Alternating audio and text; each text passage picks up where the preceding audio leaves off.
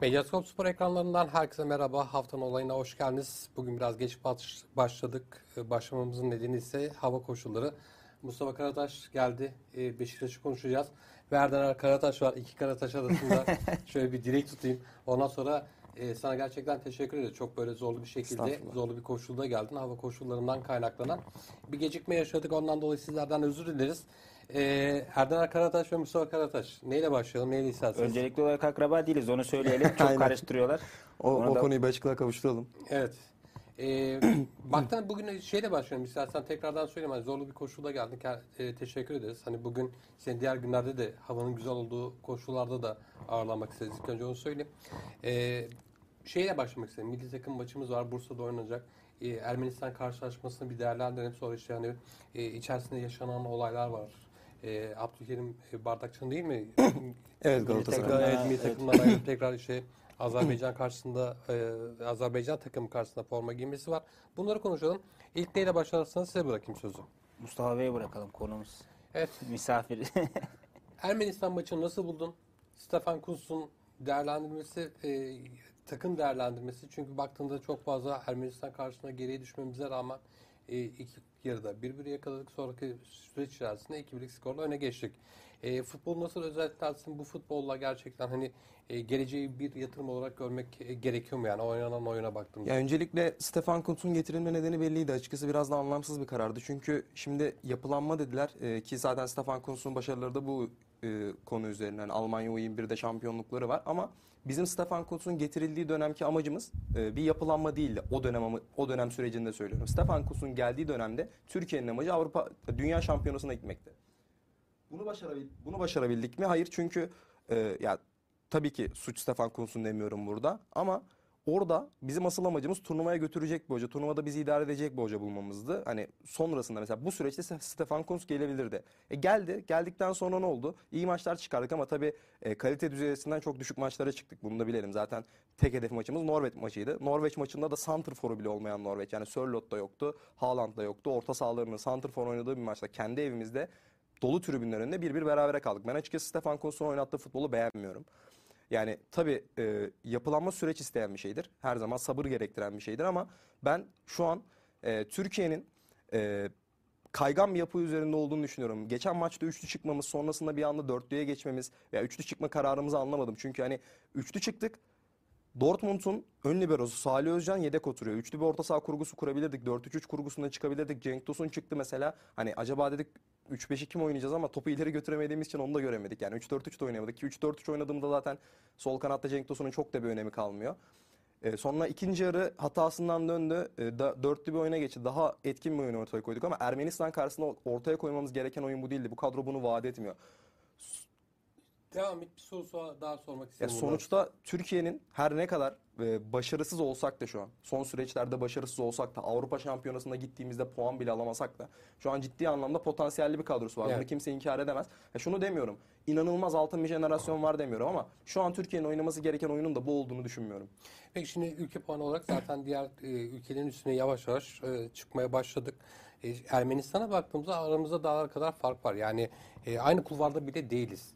E, Ermenistan'dan e, gol yiyoruz ve hani gol yediğimizde de defansif hata var. Defansı ben e, o maçta çok fazla beğenmedim.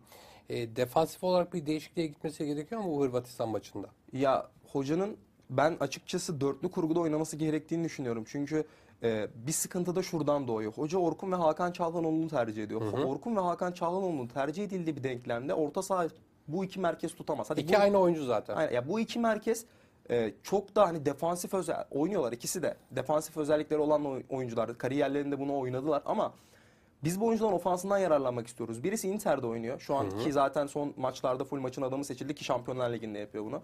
Birisi Orkun Kökçü Feyenoord'da Hollanda'da. Feyenoord'da şampiyonluğa koşuyor ki geçen Ajax'ı mağlup ettiler. Şöyle ekleyelim Feyenoord'un kaptanı. Evet. Yani çok iyi bir sezon geçiriyor o da. E şimdi biz orta sahayı bu ikili de kurduğumuz zaman ya bu ikilinin ofansından yararlanamıyoruz. Bu ikilinin ofans yani baktığımız zaman üçlü stoperle oynuyoruz ve Hakan geriye gelip top almak zorunda kalıyor. Bunu Beşiktaş'ta benzer bir dönemde yaşamıştı Valerian İsmail döneminde abi hatırlarsın yani. Şimdi bu tarz bir oyunda eğer stoperlerin seni taşıyamıyorsa, e, stoperlerin yeteri kadar seni oyuna sokamıyorsa ki sokamadılar bizim üçlü. oyuncular geriye gelip top almak zorunda kalıyor ve Evet. bu da ofansif açıdan takımı çok zayıflıyor. Ermenistan maçında da zaten oyuna ağırlık koyamamamızın sebebi buydu. O yüzden ben takımın dörtlü savunmaya geçmesi gerektiğini düşünüyorum. Ya or- orta saha kurgusu zaten çok bariz. Hani Salih Özcan'ı oraya koyduğumuz zaman bayağı bir sorunumuzu çözüyor. İleri üçlü de belli. Kerem Aktürkoğlu, Cengiz, işte Enes Ünal. Ya formda bir kadromuz var. Bak bakıyoruz Kerem Kerem Aktürkoğlu Türkiye'nin liderinde oynuyor. E bakıyoruz Enes Ünal Getafe'de neler yapıyor bu sezon görüyoruz. Gol krallığında ikinci sırada La Liga'da bu inanılmaz bir şey bir Türk futbolcu açısından.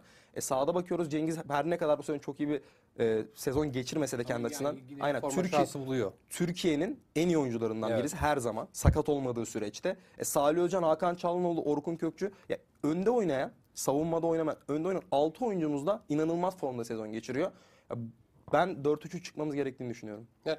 Erdar sen maçı nasıl değerlendirsin? Ee, Ermistan maçına baktığımızda hani zorlu bir şekilde mi kazandık yoksa hani kazanırken Stephen Colts'un hamleleri böyle çok muydu? Çünkü biz bu gençleşme olayına şeyle başlamıştık. Shakhtar Donetsk'in neydi? Mircea Lucescu ile başlamıştık. Mircea Lucescu ile e, gençleşme operasyonuna girmiştik. Orada bir yarım kaldı. Sonra tekrardan işte Stephen Kuntz geldi. Kaldığı yerden devam ediyor. Nasıl değerlendirsin? Hani milli maçın ya da milli takım bundan sonraki süreçte gerçekten ileriye dönük hani başarısının e, ölçebiliyor muyuz e, e, hocanın performansıyla? Yani saha içini Mustafa gayet iyi yorumladı, özetledi. Onun üstüne söyleyebilecek lafım yok açıkçası. Ama e, bundan sonraki süreçte milli takımın sıkıntılar çekeceği aşikar. Yani Ermenistan karşısında böyle bir performans ben açıkçası e, milli takımın ilerleyen dönemde vaat ettiği şeyleri çok iyi görmüyorum açıkçası. E, senin de dediğin gibi yani üçlü defans vesaire hani milli takım maçları arka arkaya oynanan devamlı sürekliliği olan maçlar değil. Ay, aylar var aralarda. Mesela bu ay oynuyorsun. Bir sonraki maç haftası 6 ay ya da 7 ay 6 ay sonra. sonra. Evet. Yani burada e, deneme yanılma yolu yapamazsın.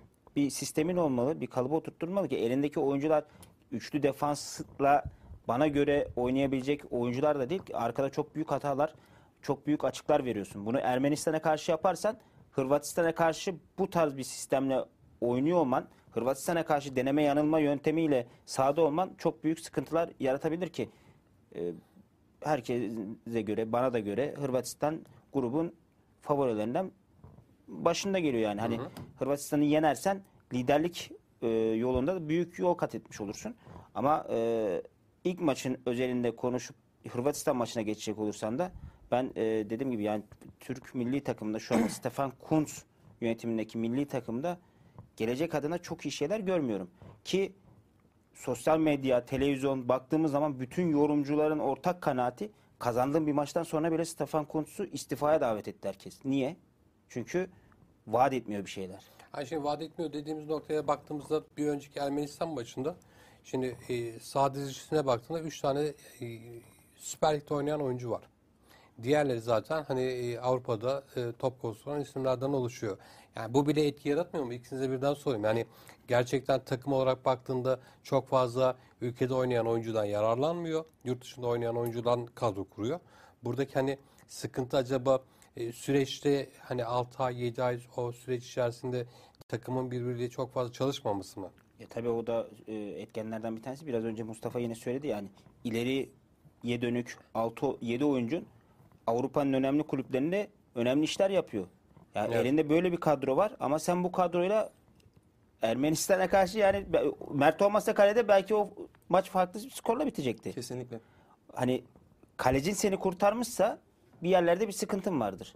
Ki elinde güzel bir oyuncu karması var. Bana göre bu karmadan daha güzel işler yapılabilir. Yani şu 10 numara bir malzeme var. Yemeğin tadı tuzu yok yani. Ya şimdi bir de asıl sıkıntı oyunda başlıyor bizim. Çünkü mesela baktığımız zaman az önce bahsetmiştim. 3-4-3'te mesela beklerin biraz daha e, işte teknik teknik özellikli olması lazım. Yine örnek vereceğim. En son çünkü bunu oynamaya çalışan takım Beşiktaş'tan önce Fenerbahçe vardı. Şimdi Beşiktaş var. Mesela sağ bekte Onur Bulut'un etkisiz kaldığını gördük. Ya bunun sebebi Onur'un kötü bir futbolcu olması değil ki zaten şu an Beşiktaş'ta geldiğinden beri güzel işler yapıyor. Bunun sebebi Onur'un o teknik özelliklere sahip olmaması, o koridoru yeterince iyi kullanabilme potansiyeli olmaması. Aynı şekilde mesela baktığımız zaman Zeki de öyle bir futbolcuydu ofansif açıdan ve eğer 3-4-3 oynuyorsanız o beklerden o katkıyı almak zorundasınız, mecbursunuz. İşte e, kanatlarla, ya şunu da gördük o konuda çok haklısınız bu arada. E, mesela Cengiz'le Onur'un uyumu. Çünkü bu oyuncular hiçbir zaman birbiriyle oynamadı. Zaten Onur'un Evet. ilk milli maçı. Ya, tabii ki burada Stefan Kuntz'un fazla bir suçu yok. Baktığımız zaman mesela Beşiktaş'ta Redmond'la Onur'un uyumu görüyoruz. Evet. Burada e, hani bek, beklerle kanatlar çok fazla çünkü kanat bek sonuçta bu sadece bek değil. Hani orta sahalarla daha çok muhatap olur oyuncular normalde kanatta ama hani 3-4-3'te kanatlarla beklerin direkt olarak bir uyum içerisinde olması sebebiyle onun da eksikliğini gördük ki zaten e, aynı şekilde Ferdi ve Cenk arasında da gördük bunu ki Cenk zaten biraz oyun içinde deplese oldu. Hani çok etkili olamadı dizilimden dolayı. Ya ben dediğim gibi biraz dizilim kaynaklı bir sorunumuz var. Ama hani bu dizilimi hoca kafasında oturtabilirse ki Portekiz maçında da aynısını gördük. Portekiz maçında Berkan Kutlu sol kanat bek oynadı. Yani hocanın tercihlerinde ben sıkıntıyı buluyorum. Hoca kafasında bir şablon oturtabilirse eğer ki bugün büyük bir sınav verecek.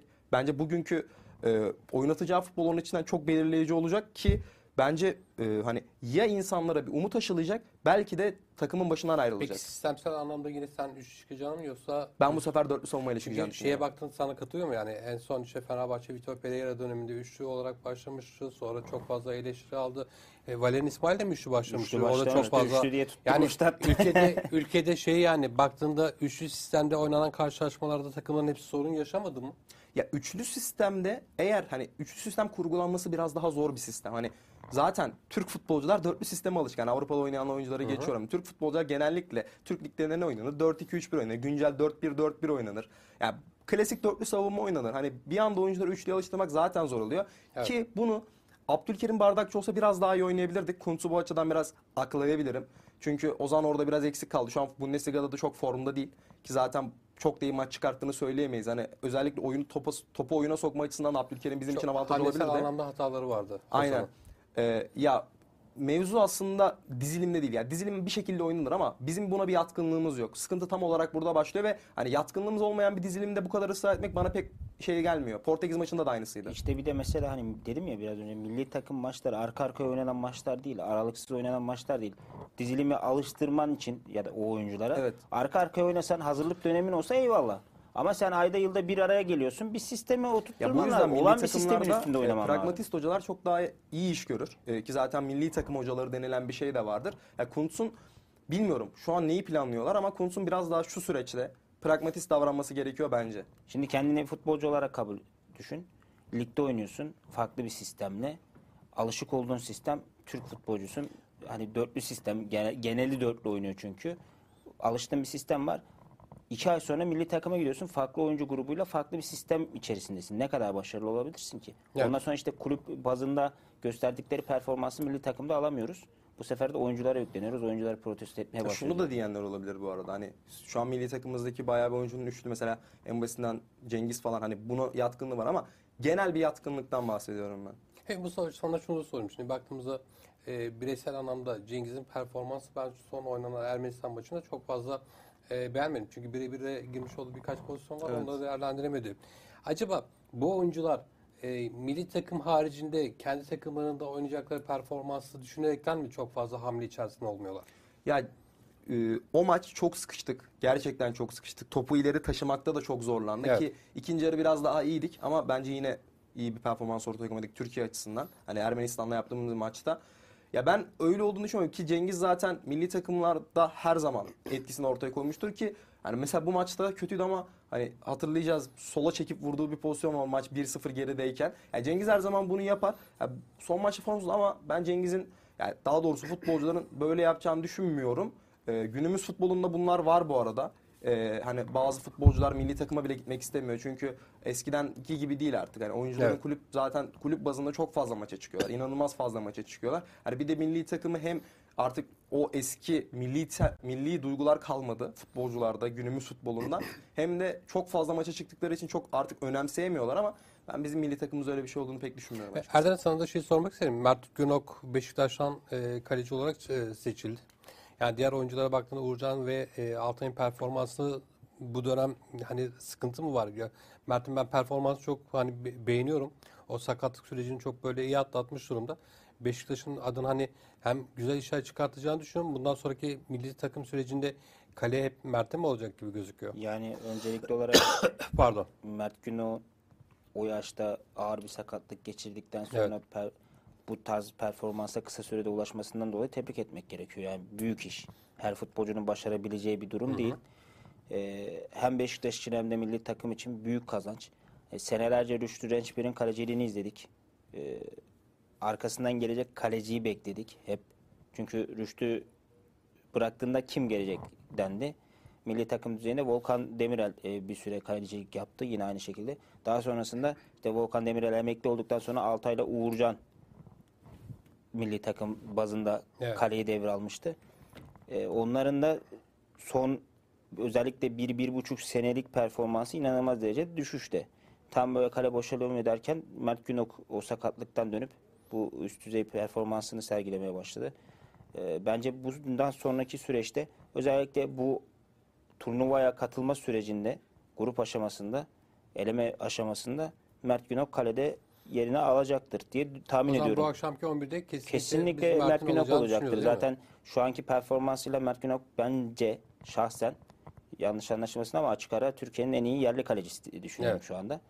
O yüzden e, bu akşamki süreçte de bundan sonraki eleme turunda da herhangi bir sakatlık e, vesaire olmazsa Allah göstermesin.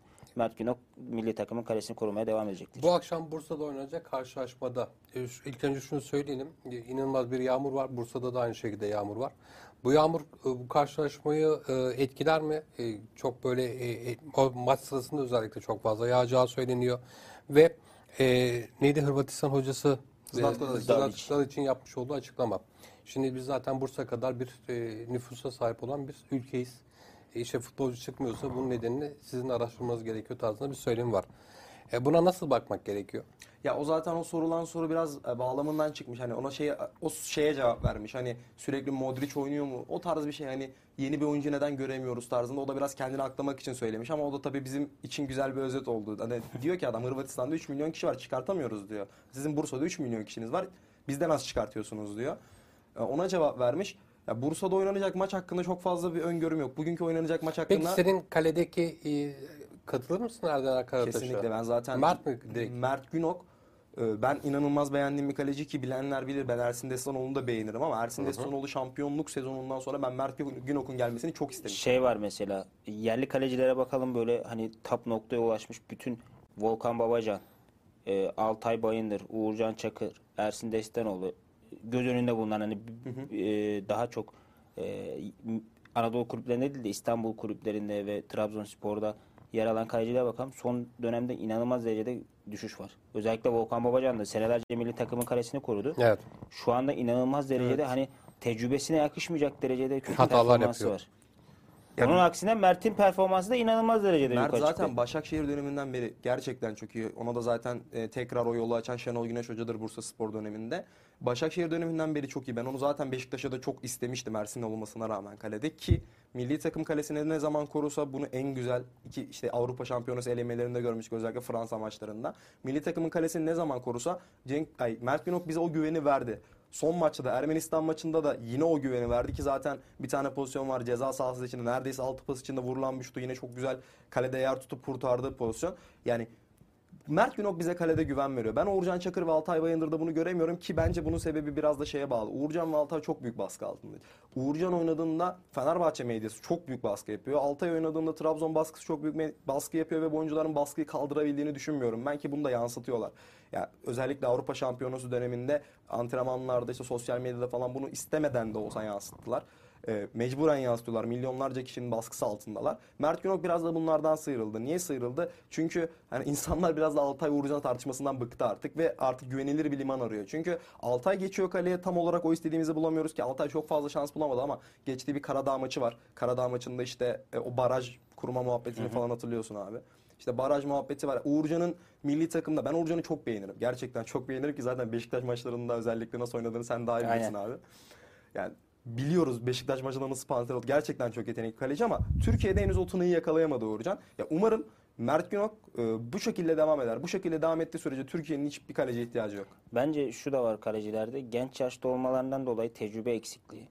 Bu da e, yaptıkları hatalardan sonra tribünlerden gelen baskı, medyadan gelen baskıyı kaldıramama durumu. Yani e, çünkü gençsin, daha tam tecrübeli değilsin, inanılmaz derecede başarıya ulaşmışsın. Ama yaptığın bir hata mesela o maçın gitmesine mal oluyor. Evet. İkinci hata yine maçın gitmesine mal oluyor. Üst üste gelen hatalar sonucunda o psikolojiyi kaldıramama durumu var. O da e, profesyonelliğin tam olarak oturmamasından dolayı tecrübenin tam olarak oturmamasından dolayı kaleciyi ne yazık ki yerinde stabil tutmuyor. Aşağıya doğru çekiyor gibi geliyor bana. Ya bir de mesela hiç konuşmadığımız bir şey var. Cenk'in, ay Mert Günok'un e, Ermenistan maçında savunma arkasına attığı bir top var. Evet. Yani Cengiz İşte az daha Cengiz aynen. işte çok köşeye inmese belki o şey olacak. Ya ve bu bu sene Beşiktaş'ı izleyenler bilir. Mert Günok'un yenen 3. ya da 4. asisti. Yani bir kalecinin 3-4 tane asisti güme gidebilir mi? Mert Günok da biraz bu yönden önemli. Mesela Hırvatistan maçına çıkacağız ve Hırvatistan maçında çok bariz olarak topla daha az oynayan taraf, underdog taraf olan biz olacağız. Yani burada da Mert'in uzun topları da bizim için çok önemli. Ayağını iyi kullanabilmesi de çok bizim için çok önemli mesela. Yani şeyi bekliyoruz o zaman. Hırvatistan'ın baskısıyla bizim arkaya atacağımız toplarla. Tabii yani ki, tabii ki. Ya bir de kanatlarımıza bakıyoruz zaten. Kerem ve Cengiz. Evet. Ya iki tane pırpır kanat. Evet. E, Mustafa'ya takipçilerinden selamlar var. Evet Bayağı bir burada şey gelmiş. Mustafa şey, şey gelmişken, herkese bu selam arada. gelmişken şunu da hatırlatalım. E, Bir beğeni bırakırlarsa, bir yorum bırakırlarsa, bize destek olurlarsa, daha çok fazla kişiye ulaşmamıza yardımcı olurlarsa her- herkese teşekkür edeceğim. Edeyim de hatta yani teşekkür edeceğim. Edeyim de teşekkür. Ee, e, Yapmazsa etmeyeceksin herhalde. Evet güzel. e, şimdi Mustafa e, Beşiktaş'a da geçelim. Beşiktaş'a baktığında Şenol Güneş'le birlikte şimdi Erden Er biz bunu çok fazla konuştuk. E, biliyorsun ki bir playoff ya da işte bir e, o Hatay Gaziantep karşılaşmalarında kaybedilen puanın artı puan olarak yazılması gerektiğini dile getirdi başkan. Bunu sen nasıl değerlendirirsin? Nasıl bakarsın olaya? Ya şimdi şöyle e, orada çok büyük bir karışıklık oldu. Hani algı karışıklığı oldu. Şimdi deprem zamanı TFF kulüplere bir yazı gönderiyor işte veya işte bir toplantı planlıyor. Diyor ki bize fikrinizi bildirin çünkü biz yani karar vermek zorundayız diye ama niye bu kadar ani karar veriliyor bilmiyorum. Orada Beşiktaş başkanının yapmaması gereken bir hata. Çıktığı bir radyo programında kendisine sorulan soruya yanıt vermesi. İşte Mehmet Ayan e, kendisine soruyor işte bu konuda tutumunuz nedir? O da cevap veriyor ve bu biraz şey diye lanse edildi. Hani sanki hiç böyle bir şey olmamış. TFF'den böyle bir yanıt gelmemiş. Kendisine soru yöneltilmemiş. Bir anda işte çıkmış demiş ki işte biz puan istiyoruz. Aslında böyle bir durum yok. Beş yani orada her ne ki zaten şu an görüyoruz. Yani dünyadan hangi felaketler yaşanıyorsa öncelikle tabii ki depremde vefat edenlere rahmet dileyelim. Ee, bu tür durumlardan sonra kulüpler kendi menfaatini düşünmek zorunda ki düşünüyorlar da. Ki yani düşünmüyor olsalar deprem zamanı kulüpler transfer yapmazdı. Galatasaray Zaniolo'yu almazdı. Beşiktaş işte Onur Bulut'u almazdı. Stoper Kolli'yi almazdı. Yani tabii ki menfaatini düşünmek zorunda. Öncelikle bu konuyu bir şey yapmak istiyorum çünkü hani şu çok iğrenç bir şey gibi geliyor bana. İşte Beşiktaş menfaat sağlamaya çalışıyor. Hayır. Her kulüp kendi menfaatini sağlamaya çalışıyor. Her kulüp kendi hakkını yedirmemeye çalışıyor. Ya ben o konuya şöyle bakıyorum. Şimdi Beşiktaş ay Süper Lig'de yani her yerde böyledir ama Süper Lig'de deplasmanlar çok önemli. Baktığımız zaman 5 maçta yeni teknik direktörle çıktığı 5 maçta galibiyetten bahsetmiyorum, puandan bahsetmiyorum. Gol atamayan bir Konya Spor gördük ve 13 maç üst 13 artı 1 yani Hükmen'le beraber 13 artı 1 maçta hiç yenilmeyen ve sürekli yenen bu inanılmaz bir şey. Yani tarihe tanıklık ediyoruz kesinlikle. 14 maç boyunca yenen Galatasaray Konyaspor'a yenildi. Bu ligdeki deplasman olayını inkar edemeyiz. Ve burada Beşiktaş bu iki deplasmana çıkmışken e, di- mesela örnek veriyorum çünkü özellikle Beşiktaş ve Galatasaray açısından gidiyor. Başka takımları da çok büyük etkiliyor ama 10 Beşiktaş ve Galatasaray etkiliyor. evet 10 takım etkiliyor. Beşiktaş ve Galatasaray ekseninde örnek vereceğim. Galatasaray'ın iki tane deplasmana çıkmamış olması çok büyük etkiliyor. Baktığımız zaman Beşiktaş'ın iç saha karnesinde 30 puanı varken deplasman karnesinde 19 puanı var. Yani insanlar bunu göz ardı ediyor. Çok bariz bir e, şey söz konusu. Hani adalet terazisi sağlanamıyor bu durumda. Hani insanlar şey diyebilir ne yapılsın falan. Bir toplanılmalı. Emrivaki karar verilmemeli. Çünkü bu karar tamamıyla emrivaki ki zaten iki formüle gideceğiz demişlerdi ama ne açıklama görebildik, ne ekstra bir şey görebildik, ne bizi ikna edici bir şey görebildik. Yani formül ne olur bilmiyorum ama bence şu anki yapılan şeyle lig tamamlanamaz. Ki zaten galiba UEFA'ya da başvuru yapılmış. Ben UEFA'nın da buna pek göz yumacağını zannetmiyorum. Yani bir takım e, ya iki deplasman az oynama meselesi şey ya Beşiktaş o maçları evde oynasa bunu sadece fikstür şansı olarak deyip geçemeyiz. Hani bu sefer adaletten bahsedemeyiz. Beşiktaş o maçları işte oynasa zaten Beşiktaş da kazanacak. Yani %90 ihtimalle. Yani burada şey hani şey diyebilirler işte biz kazandık siz de kazansaydınız. Yani ev ve deplasman farkını bu kadar göz ardı etmeyelim. Evet. O yüzden ben buna nasıl bir formül bulunur? Ben şey demiyorum işte ya herkese 6 puan ve herkese 0 puan yazılsın demiyorum. Buna nasıl bir formül bulunur bilmiyorum. Hani bunu benim işim değil. Bunu yapması gereken kişiler var. Bunun sorumluluğu olan kişiler var. Bu yük benim omuzlarımda değil. Buna bir formül bulmaları gerekiyor. Bence bu şekilde lig tamamlanamaz. Ama UEFA'nın burada sadece e, öngörüde bulunabileceğini, Tavsiye verebilir. tavsiye verebileceğini söyleyelim. E, lig kendi bir organizasyon olduğu için her ülkenin kendi organizasyonuna sahip olan işte federasyon olduğu için sadece tavsiye kararı Ya verebiliyor. tabii ki şey gibi düşünüyorum hani mesela 1959 öncesi şampiyonluklarda e, Beşiktaş bu yolu Türkiye yolla almadı biliyorsunuz. UEFA'nın tavsiyesiyle aldı. Buna benzer bir şey olacak Ya bir böyle bir düşünüyorum. tavsiye gelse Aynen. şey Sonuçta yaparlar, değişebilir diye Aynen. düşünüyorsun. Erdener, Ee, sen zaten bu konuyu çok fazla konuşmuştuk. Ee, baktığında şimdi Şenol Hoca e, aradaki puan farkı 48'e çıkıyor. Pardon Fenerbahçe ile aynı oluyor ve bir maç eksikle aynı puan olmuş oluyor değil mi? 3 3 puana düşüyor Fenerbahçe ile şey Galatasaray'la ama tabii e, bir bay geçtiği hafta var. Orada Galatasaray kazanırsa tekrardan 6 Peki böyle bir karar e, çıktığında ya da işte e, UEFA'nın tavsiyesine uyulduğunda e, şampiyonluk yarışı yeniden mi başlar? Tabii ki yeniden başlar. E, farklı bir konuyu konuşmuş oluruz. E, Beşiktaş havlu attı dediğimiz yerden tekrardan e, şampiyonluk yarışının içinde Aa, olur. o kadroya baktığında hani bu kadro Beşiktaş için yeterli olur mu sence? Son dönemki Beşiktaş performansına bakacak olursak yeterli olabilir. Çünkü e, sezon başındaki Beşiktaş'tan farklı bir Beşiktaş var. İnişli çıkışlı bir e, performans sergileyen Beşiktaş var. Ancak kararın öncesine gelecek olursak yani e, bugün birkaç tane de bilgi aldım açıkçası federasyon tarafından kulislerden gelen bilgi olarak. Yani bu karar üç- ikinci, depremin ikinci gününde, üçüncü gününde e, biraz önce Mustafa da söyledi ya yani ben de üstüne şunu soracağım yani taraflara sorulması gereken şey bu zaten. 18-20 tane takımın var senin. Bu liglerde mücadele eden, alt ligi de sayarsan fazlalaşıyor. Sen mücadele eden takımlara sormadan böyle bir kararı nasıl alabilirsin? Takımların hakkındaki e, takımların performansı e, sezonun içerisindeki Şey mi olması gerekiyor? nasıl etkileyebilirsin? gerekiyor? Oylamaya git abi. Evet. Ya sun. Şenol Hoca her açıklamasında şunu söylüyor. Ben birçok şeyden şikayetçiyim. Tarafımıza sorulmayan çok şeyden şikayetçiyim diyor. Yabancı kuralı alınıyor, hocalara sormuyorsun, takımlara sormuyorsun. Ama bir şey söyleyeceğim bak bir şey söyleyeceğim. Şenol Hoca'nın yabancı kurulu üzerinde en son konuşacak teknik adam olduğunu Şey, Şenol söyleyebilirim. Güneş üzerinden demiyorum abi genel Ha, olarak. onu ben genel, söyleyeyim de. Genel olarak. Ya bir kural koyuyorsun, takıma so- takımlara sormuyorsun. Mücadele eden takımlara sormuyorsun. Ee, hocalara sormuyorsun. Oyunculara hadi sormadın diyelim. Ya bu yöneten başkanlara, ho- teknik direktörlere işte böyle bir karar alıyorsun. Topla abi kulüpler birliğin yok mu senin? Kulüpler birliği denen bir şey var. Neden var? Seni oraya getirenler kim? Kulüp başkanları. Topla sor ne yapmamız lazım? Ortak bir karar al. Demokrasi ülkesinde Abi ben yaşamıyor sadece muyuz? şuna katılmıyorum. Ee, şu hani oyla olmamalı çünkü zaten hani herkes kendi menfaatini düşünmek zorunda. Ben şunu şey Oy yapıyorum. değil de Aynen. sen dinle. Yani dinle yani. fikirler ortaya atılmalı ve bunlar içinden en makul Ama bir şey olanı söyleyeceğim, o fikri kim kabul edecek? ya kabul edecek tabii ki TFF. Yani bunu bu inisiyatif alabilecek kurum TFF ki bu yüzden oradalar. Yani onu da alamayacaklar. Zaten çeksinler gitsinler. Bir zahmet yani.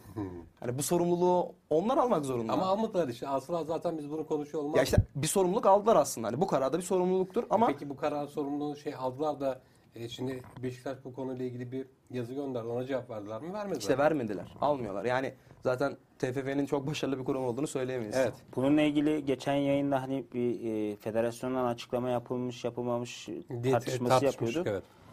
Bununla ilgili takımların ligden çekildiğine dair kalan maçlarda onlarla oynayacak takımların 3 puan alacağına dair bir açıklama var. Geçmişte oynanan maçlar şöyle olacak, böyle olacak. Yazılı bir açıklama yok federasyonda. Özellikle e, yayından sonra bir daha baktım. E, bu konuya gelince de e, TFF'de iki tane ismin, isim vermeyeceğim şimdi. Bugün sabah yaptığımız haberde var isimler. İsteyen girip bakabilir. İki ismin e, bir bilgi notu hazırlayıp yönetim kuruluna sunduğu bunun içinde de işte e, ilk maçlar geçerli sayısın, ikinci maçlar kalan maçlar oynanmış gibi 3-0 hükmen kabul edilsin şeklinde bir bilgi notu var. Buna ne şekilde niye uyuldu? İkinci gün yapılıyor bu. Yani millet can can de- derdindeyken neden bu şey yapılıyor? Hep burada konuştum yani Sayın Çebi'nin açıklama yaptığı gün ve saat bana göre yerinde değildi. Ama federasyon da kapalı kapılar ardında medyaya yansımadığı için herkes Çebi'yi tek suçlu olarak gördü ama zamandan dolayı. Yoksa dedikleri çok doğru. Hakkını koruması çok normal bir şey. Çok da doğru bir şey. E, federasyonun aldığı karar günü, zamanı yansımadığı için tek suçlu ilan edildi Beşiktaş kulübü başkanı. Ama burada en büyük sorun ve suçlu federasyondur. Ya- yangından mal kaçırır gibi depremin ardından ikinci ve üçüncü günde böyle bir kararın altına imza atmak nedir? Ve bundan e, yaklaşık bir ay sonra falan açıklandı. Niye yani? Evet. Burada e, sorulması gereken çok soru var. E, Beşiktaş taraftarı da gün geçtikçe daha çok birlik beraberlik içerisinde ayağa kalkmaya başladı. Bu işin sonu e, artık Kasımpaşa maçı vardı hatırlarsınız. Federasyonun binası Rivada, Rivada'ya taşınmamıştı. Levent'teydi. Binlerce Beşiktaşlı sokağa çıkıp protesto edip daha sonrasında maçı tekrarlattırmıştı. E, Bilmiyorum nereye gidecek işte. Ya bakalım haklarını öyle savunmazlar umarım da e, ortada mutlaka hani konuşulup anlaşılması gereken bir olay var. O olayda hani şeye bakmak gerekiyor. Talep kimden geliyor, talebi kim cevaplıyor ya da işte talebi kimin cevaplaması gerekiyor. Ona bakmak gerekiyor. İşte biz bunları konuşurken Hırvatistan teknik direktörü de geliyor bize iki dakikada lafı Ama bir vuruyor şey gidiyor işte yani. Erdener adam haklı ama ya. Haklı abi bak dü- dün bir tweet attım ya adam ta Hırvatistan'dan kalkıp geliyor.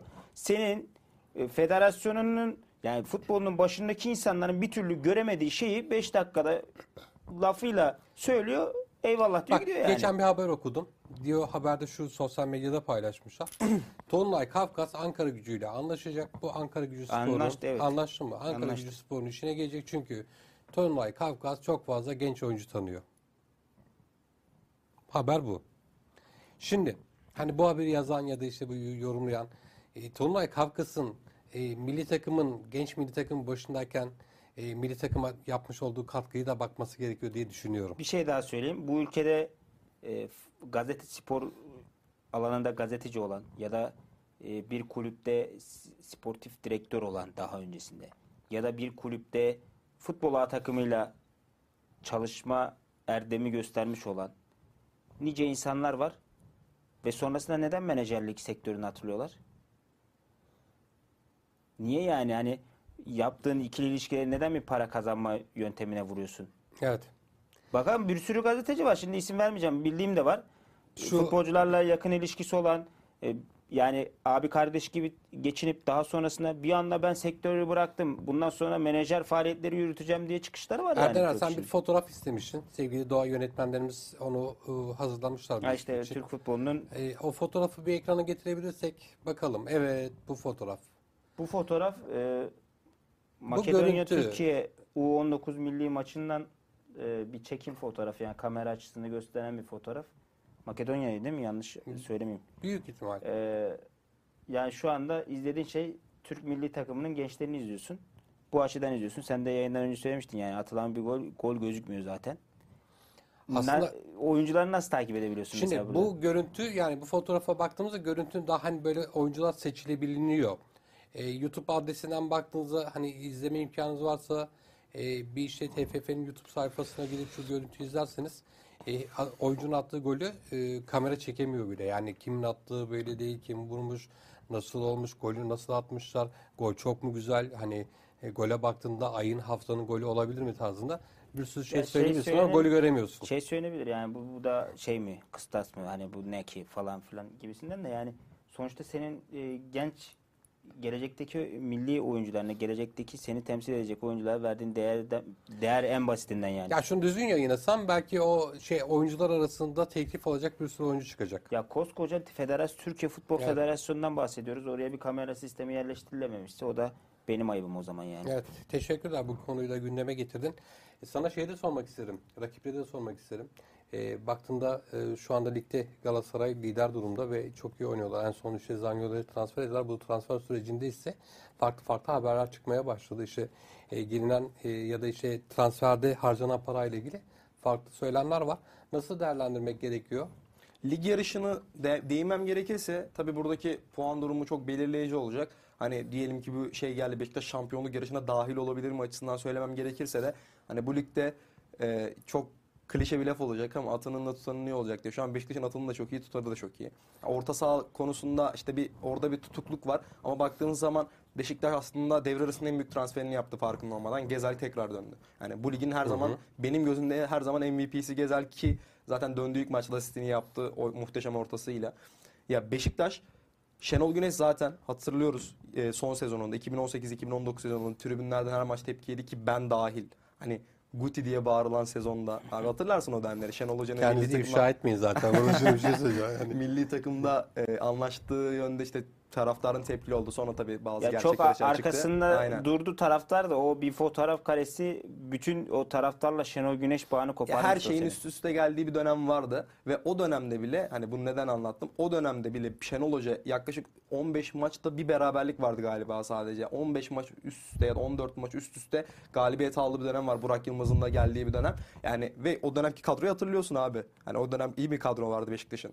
Ya o yüzden Şenol Güneş olduğu sürece Beşiktaş her zaman yarışa dahil olur ki Beşiktaş'ın şu an kötü de bir kadrosu yok. Yani baktığımız zaman zaten ön attı.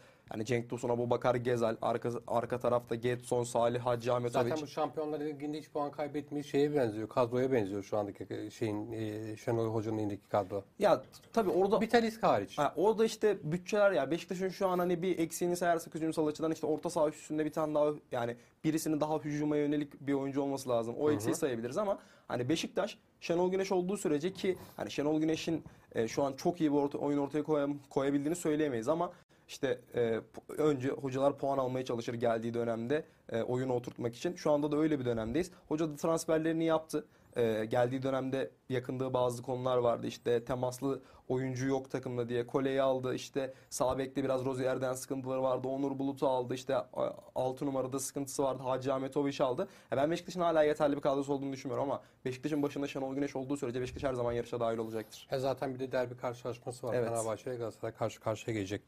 E peki Fenerbahçe'yi değerlendirsen nasıl bakarsın? E, Jorge Jesus'un çok fazla işte e, Brezilya'ya gideceğiz. Daha dün o haberler çıktı. E, işte e, Fenerbahçe'de oluşmuş olduğu kadro Valencia'nın işte transfer olup olmayacak mı yoksa işte bu dönem süresi içerisinde e, çünkü lig uzuyor ve sözleşmesi Evet. erken bitecek çok fazla oyuncu var.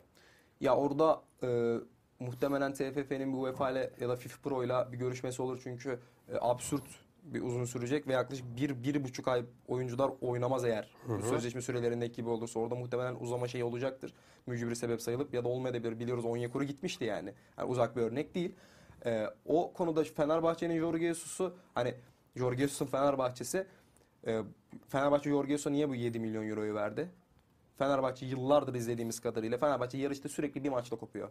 Hani bir maç kaybediyor ve psikolojik açıdan kırılma yaşıyor. Aynen. Devamındaki maçlarda da puan kaybı yapa yapa yapa yapa yarıştan kopuyor. Baktığımız zaman Galatasaray maçından sonra hangi teknik direktör şey yapamazdı, yıkılmazdı? Jorge Jesus yıkılmadı çok bariz şekilde. Ee, ondan sonra Galatasaray maçından sonra oynadığı yanlış hatırlamıyorsam 8 maçta 22 puanı var. Bu inanılmaz bir şey. Ki arada bir Adana Demirspor maçı da var. Yani Jorge Jesus'un açıklamaları demeçleri ki dün düşen açıklamaları çok garip geliyor bana. Hani resmen diyor ki ben Mayıs'ta gideceğim diyor. Hani geçen Brezilya maçı Brezilya tak- Brezilya milli takımı ile ilgili açıklama yapmış.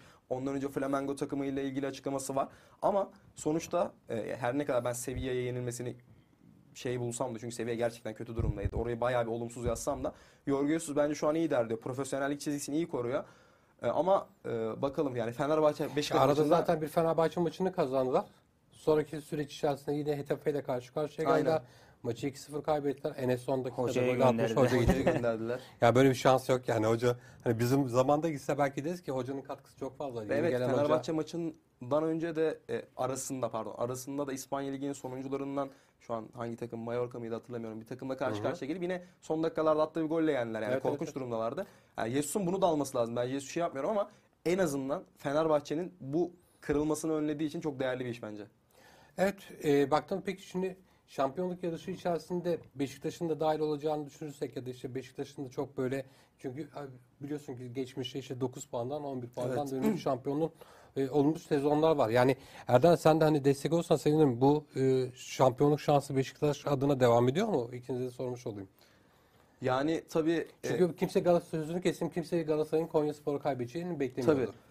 Yani tabii ki lig devam ettiği sürece her zaman umut olacaktır. Her zaman beklenti olacaktır ama TFF'nin tutumuna bağlı. Eğer bu e, Gaziantep Hatay maçlarında oynanan e, puanlar konusunda yeni bir karar alırsa ben Beşiktaş'ın net şekilde şampiyon yarışına tekrar dahil olacağını düşünüyorum ama şu anda e, ben Beşiktaş'ın bu senaryoda şampiyon olabileceğini düşünmüyorum. Çünkü zaten e, 12 maç mı kaldı?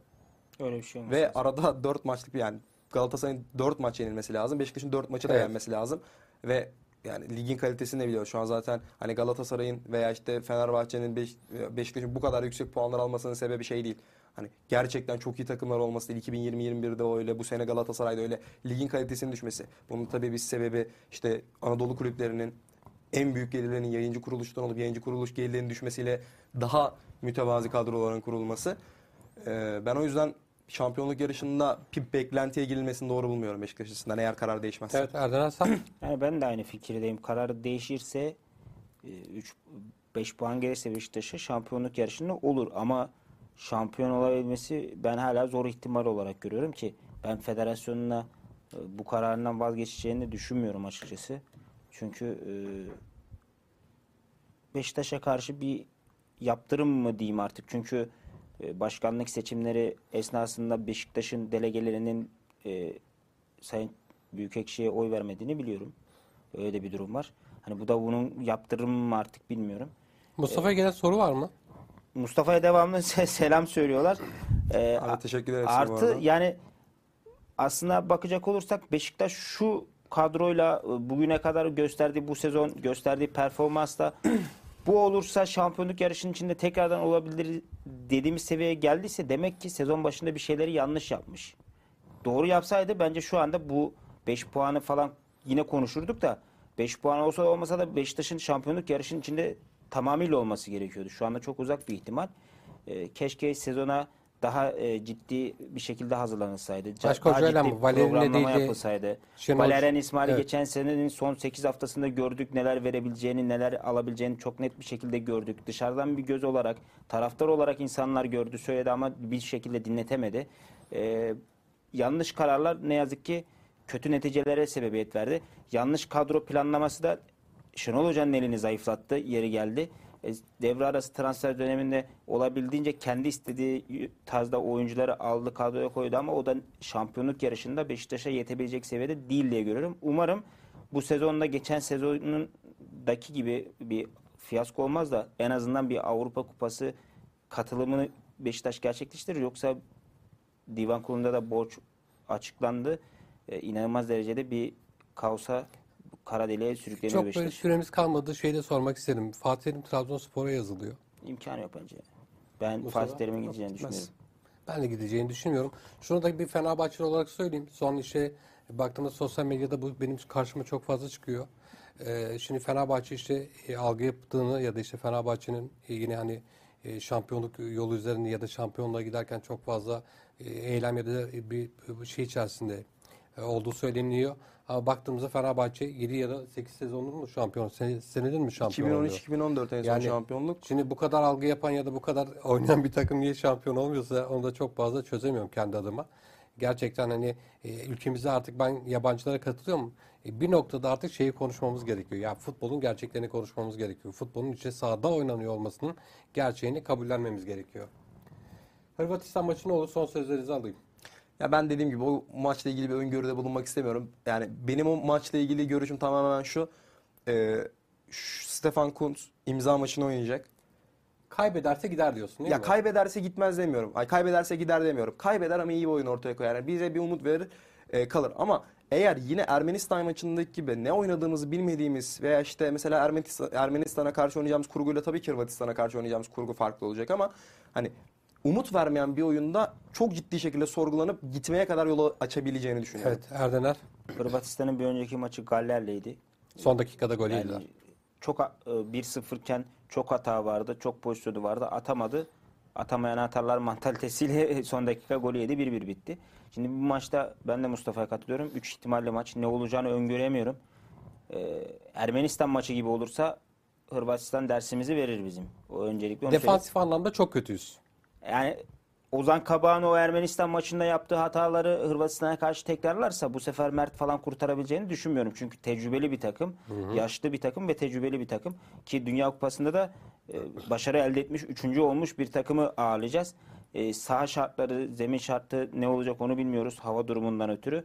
E, hataya açık bir müs- müsabaka da olabilir. Çünkü yağış oldukça fazla. Bakalım umarım kazanırız. Umarız evet kazanırız. Teşekkür ediyorum. Ağzınıza sağlık. Mustafa. Ben de Tekrardan teşekkür ederim seni size. e, zor, zor bir günde yani kötü bir koşulla getirdik. E, tekrardan teşekkür ediyoruz. Dediğimiz üzere hani havanın daha böyle güzel olduğu işte daha böyle Tabii. gelip zevk alabileceğin e, bundan da bu programdan da zevk almışsın da büyük bir ihtimal. Yine bekleriz. Ağzınıza sağlık. Evet bir program daha sonuna geldik. Herkese teşekkür ediyorum. E, demin de söylemiş olduğum üzere bir beğeni, bir yorum ya da işte Medyaskop Spor'u tavsiye ederseniz, siz de takip ederseniz bizi çok mutlu etmiş olursunuz. Bir sonraki program Cuma günü. Cuma günü şimdi görüşmek üzere. Hoşçakalın.